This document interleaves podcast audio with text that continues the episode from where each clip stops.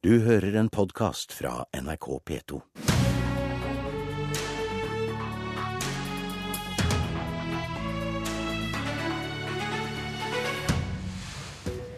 Frp ser ut til å vinne fram med sine syn i asylforhandlingene. Hva er det som har ført til det? Og er Trygve Slagsvold Vedum blitt politikkens virkelige Robin Hood, eller har han bare en symbolsk skattepolitikk uten virkning? Mens de fire budsjettkameratene fortsatt sitter i forhandlinger, legger Senterpartiet fram sitt alternative budsjett. Partileder Vedum møter Høyre til debatt her, og vår kommentator gir deg det siste om forhandlingene. Velkommen til Politisk kvarter, og god morgen, Trygve Slagsvold Vedum. God morgen. Er du komfortabel med å bli kalla Robin Hood, slik Klassekampen gjør? Ja, Det var jo en uh, hyggelig betegnelse, det. Det er bra. Ja, jeg syns jo det er hyggelig. Og det som er hovedpoenget, er jo at uh, med vårt skatteopplegg så får tre millioner mennesker får mindre skatt. Det er de som har vanlige og gode lønninger. Mens de som har de aller høyeste inntektene, de aller største formuene, de som sitter best i det, de får mer skatt. Så det er en veldig klar prioritering. Så vi mener at vanlige folk som pendler, som reiser langt på jobb, som har en inntekt fra 550 000 og nedover, de skal få mindre skatt, mens eh, de som kan bære mer, skal kunne bære mer. Og Det mener vi er et godt prinsipp i det norske skattesystemet, at de som har en sterk rygg, kan eh, bære tyngre bør. Betyr det at din primære kritikk av regjeringa med ditt skatteopplegg er på den sosiale profilen? Det er etter to dimensjoner. Det ene er den sosiale profilen. For det har vi jo sett nå over flere år, at de som er de aller rikeste, har fått voldsomme skattelettelser. Eh, mens ikke folk med vanlige inntekter. Og det andre er den geografiske dimensjonen. For i regjeringas uh, skatteopplegg ligger det målretta skatteskjerpelser f.eks. For, for alle landets pendlere. Det syns jeg er veldig rart at man gjør det nå i år. Når mange flere må reise lenger til jobb pga. at det er tøffere tider i norsk økonomi, så burde man heller stimulert og sagt jeg skjønner at det er tungt å måtte reise langt til jobb, derfor skal du fortsatt ha et pendlerfradrag.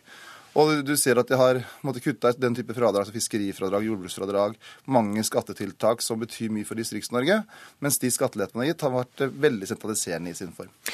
Du drar inn nesten 15 milliarder mer i skatt enn regjeringspartiene.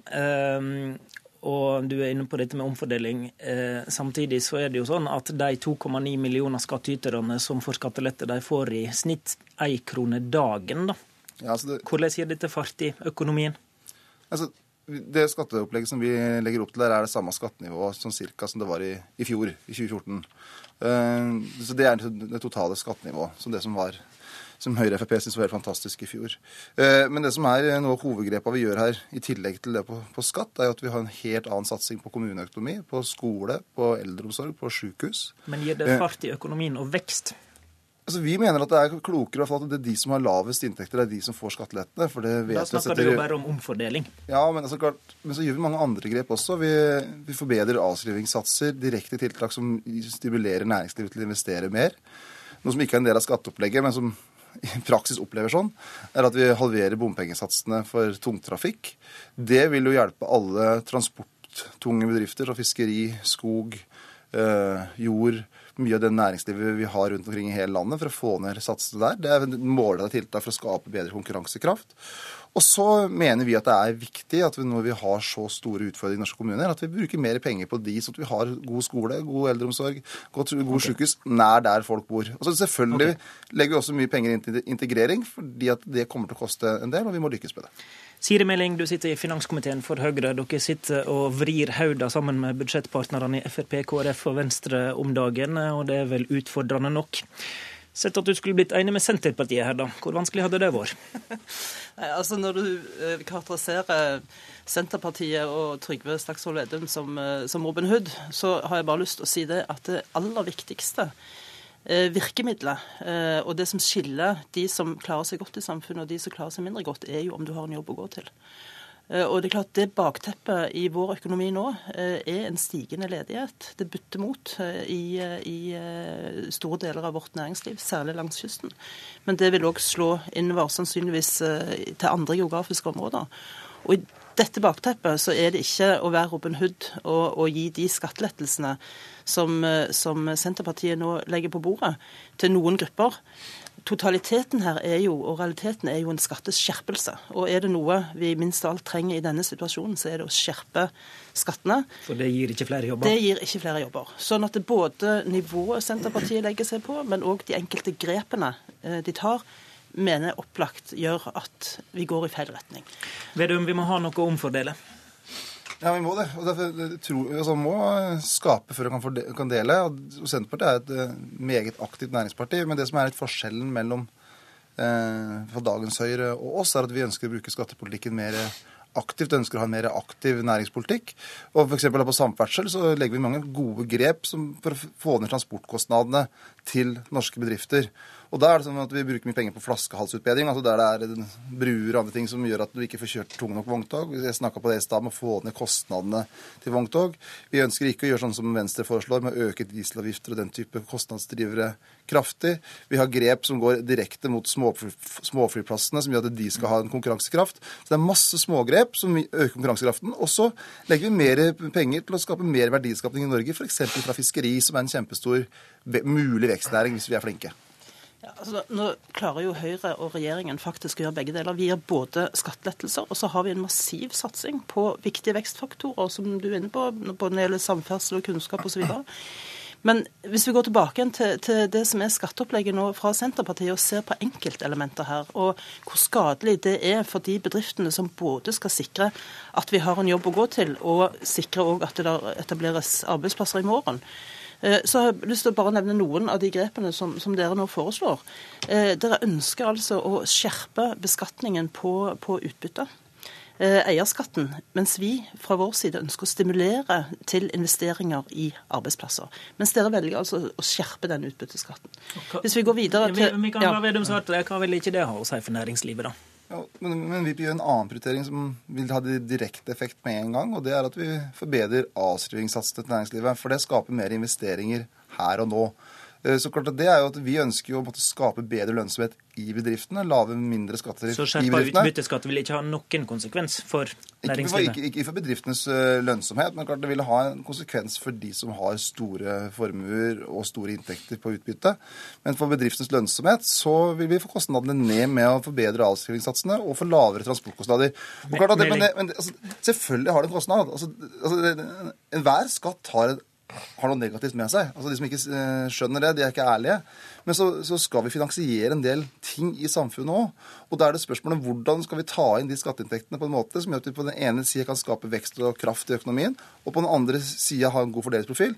Og klare å finansiere f.eks. en bedre kommuneøkonomi. Og Da mener vi det er bedre å gi målretta skatteletter til det direkte næringslivet hver dag, f.eks. matsinsatser, mens at når vi tar utbytte ut, så kan man skatte litt mer. Kan ikke mer målretting, som Vedum snakker om, Meling, være smart, i stedet for generelt å dra ned inntektsselskap og formuesskatt, sånn som dere gjør?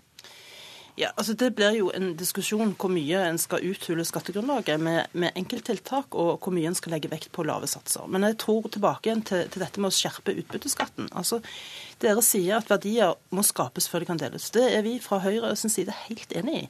Men da er det noe med å ta realiteten inn over seg i forhold til hvordan arbeidsplasser faktisk skapes, og at det i mange tilfeller må kapital på bordet for å skape disse arbeidsplassene. Og Når dere da går inn og velger å skjerpe utbytteskatten. dere går òg inn og reverserer de endringene eh, vi og, og, regjeringen har gjort når det gjelder formuesskatt. Klart Det vil gå utover den muligheten bedriftene har til å investere i morgendagens arbeidsplasser. Ta formuesskatten f.eks. Det er jo en skatt som gjør at du som eier i en bedrift må betale uavhengig av om bedriften går med overskudd eller ikke. Og i disse tidene nå, eh, hvor eh, ting bytter imot i økonomien, Eh, vi har behov for å satse inn i bedriftene på innovasjon, på teknologiutvikling, produktutvikling osv. Da trenger vi all den kapitalen frigjort som vi kan få til nettopp dette.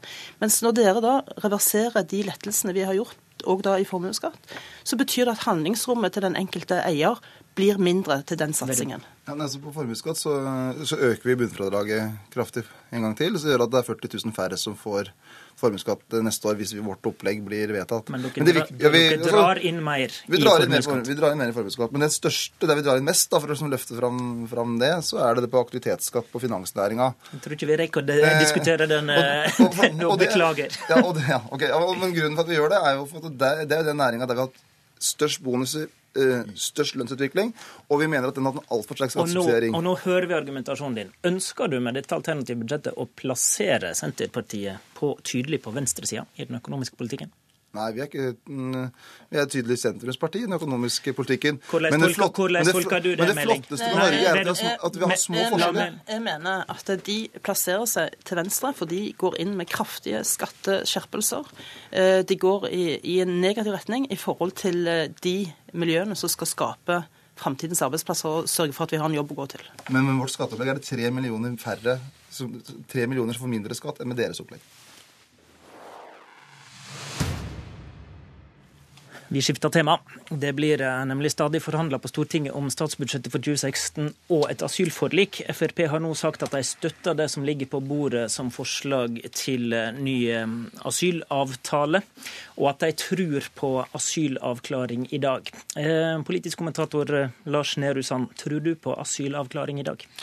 Ja, det tror jeg. Man har eh, gått eh, grundige runder på alle partienes gruppemøter. Eh, noen av partiene trenger ytterligere avklaringer. Jeg tror alt ligger til rette for at det skal skje i løpet av dagen i dag. Men vi vet, sånn som SV, som mange er spent på om blir med på, på et bredt forlik eller ikke, eh, har ikke votert over dette. Så, så det er ikke klart ennå om de blir med, f.eks.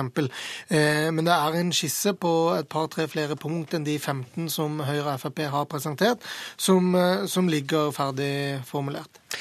Og eh, du sitter stadig, eh, Senterpartileder Vedum. Er Senterpartiet klar til å støtte det som nå ligger på bordet? Vi er sterkt for et bredt nasjonalt for- forlik. har Tatt til orde for det over tid. Og vi er også klare for å være med å lande der så fort som mulig. Og vi er klare for å lande i dag, men vi er opptatt av å gjøre det sammen med de andre partiene. Men vi er klare eh, for å ta de siste små justeringene for å lande et sånt forlik. klare for å lande i dag. Eh, Lars Nehru Sand, i, i går gikk eh, altså Frp ut og sa at, eh, at de er for, og har ei enstemmig gruppe. Eh, hvorfor går de ut nå og er så tydelige på at de er for det som ligger på bordet nå? Ja, For det første var jo ikke en enstemmig gruppeavgjørelse i eh, Frp en selvfølge. eh, Og for det andre så er Frp avhengig av å vinne denne eh, debatten. De er avhengig, de har kjørt et løp helt siden tilleggsnummeret ble presentert, hvor det var et ønske for Frp å flytte debatten over på sin eh, banehalvdel. Og det har de nok klart også ved at dette nå blir to, to trinn, to ulike pakker. I dag kommer da integrerings- og straks... Nei, unnskyld, i dag kommer innstrammings- og strakstiltakene. Eh, Og så kommer integreringstiltakene på sikt. Og Det gjør at Frp nå eh, kan fortsette å snakke om den innstrammingen de har eh, ivret for lenge. Og selv om det er mange av disse punktene som er uproblematiske, det å styrke UDI er f.eks. ikke vanskelig for, for SV eller Venstre, så er det mye her som, som går på FrPs premisser. Og selv om også Ap og Senterpartiet kan gå med på mye av det, så er det, så er det en endring i norsk innvandringspolitikk hvis det blir et bredt forlik om eh, noe så omfattende som eh, 17-18 innstrammingspunkt. Målinger går opp og ned, sier politikere alltid, men i det siste så har Frp hatt skikkelig medvind. Har det påvirka disse forhandlingene?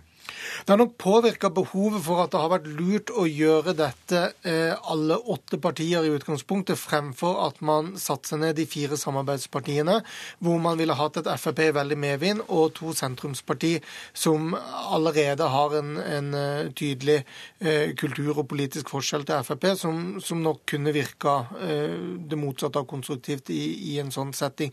Så Sånn sett så har et bredt forlik virka bra. Så statsbudsjettet kort til slutt. Eh, Venstre og KrF la i går kveld fram det de sjøl mener er ei skisse til løsning. Kan du sette ord på den avstanden som er nå? Det er fortsatt veldig stor avstand i synet på hvor stort handlingsrom det er i norsk økonomi til å gi sentrumspartiene gjennomslag. Eh, og selvfølgelig også i den politiske viljen, spesielt på, på klimasiden. Eh, noen sier de trenger minst 1 milliard kroner ekstra. Det kommer jo litt an på hvordan man regner, så skal ta det tallet med en klype salt. Men det er fortsatt eh, veldig ulikt syn på hvor stort rom man har.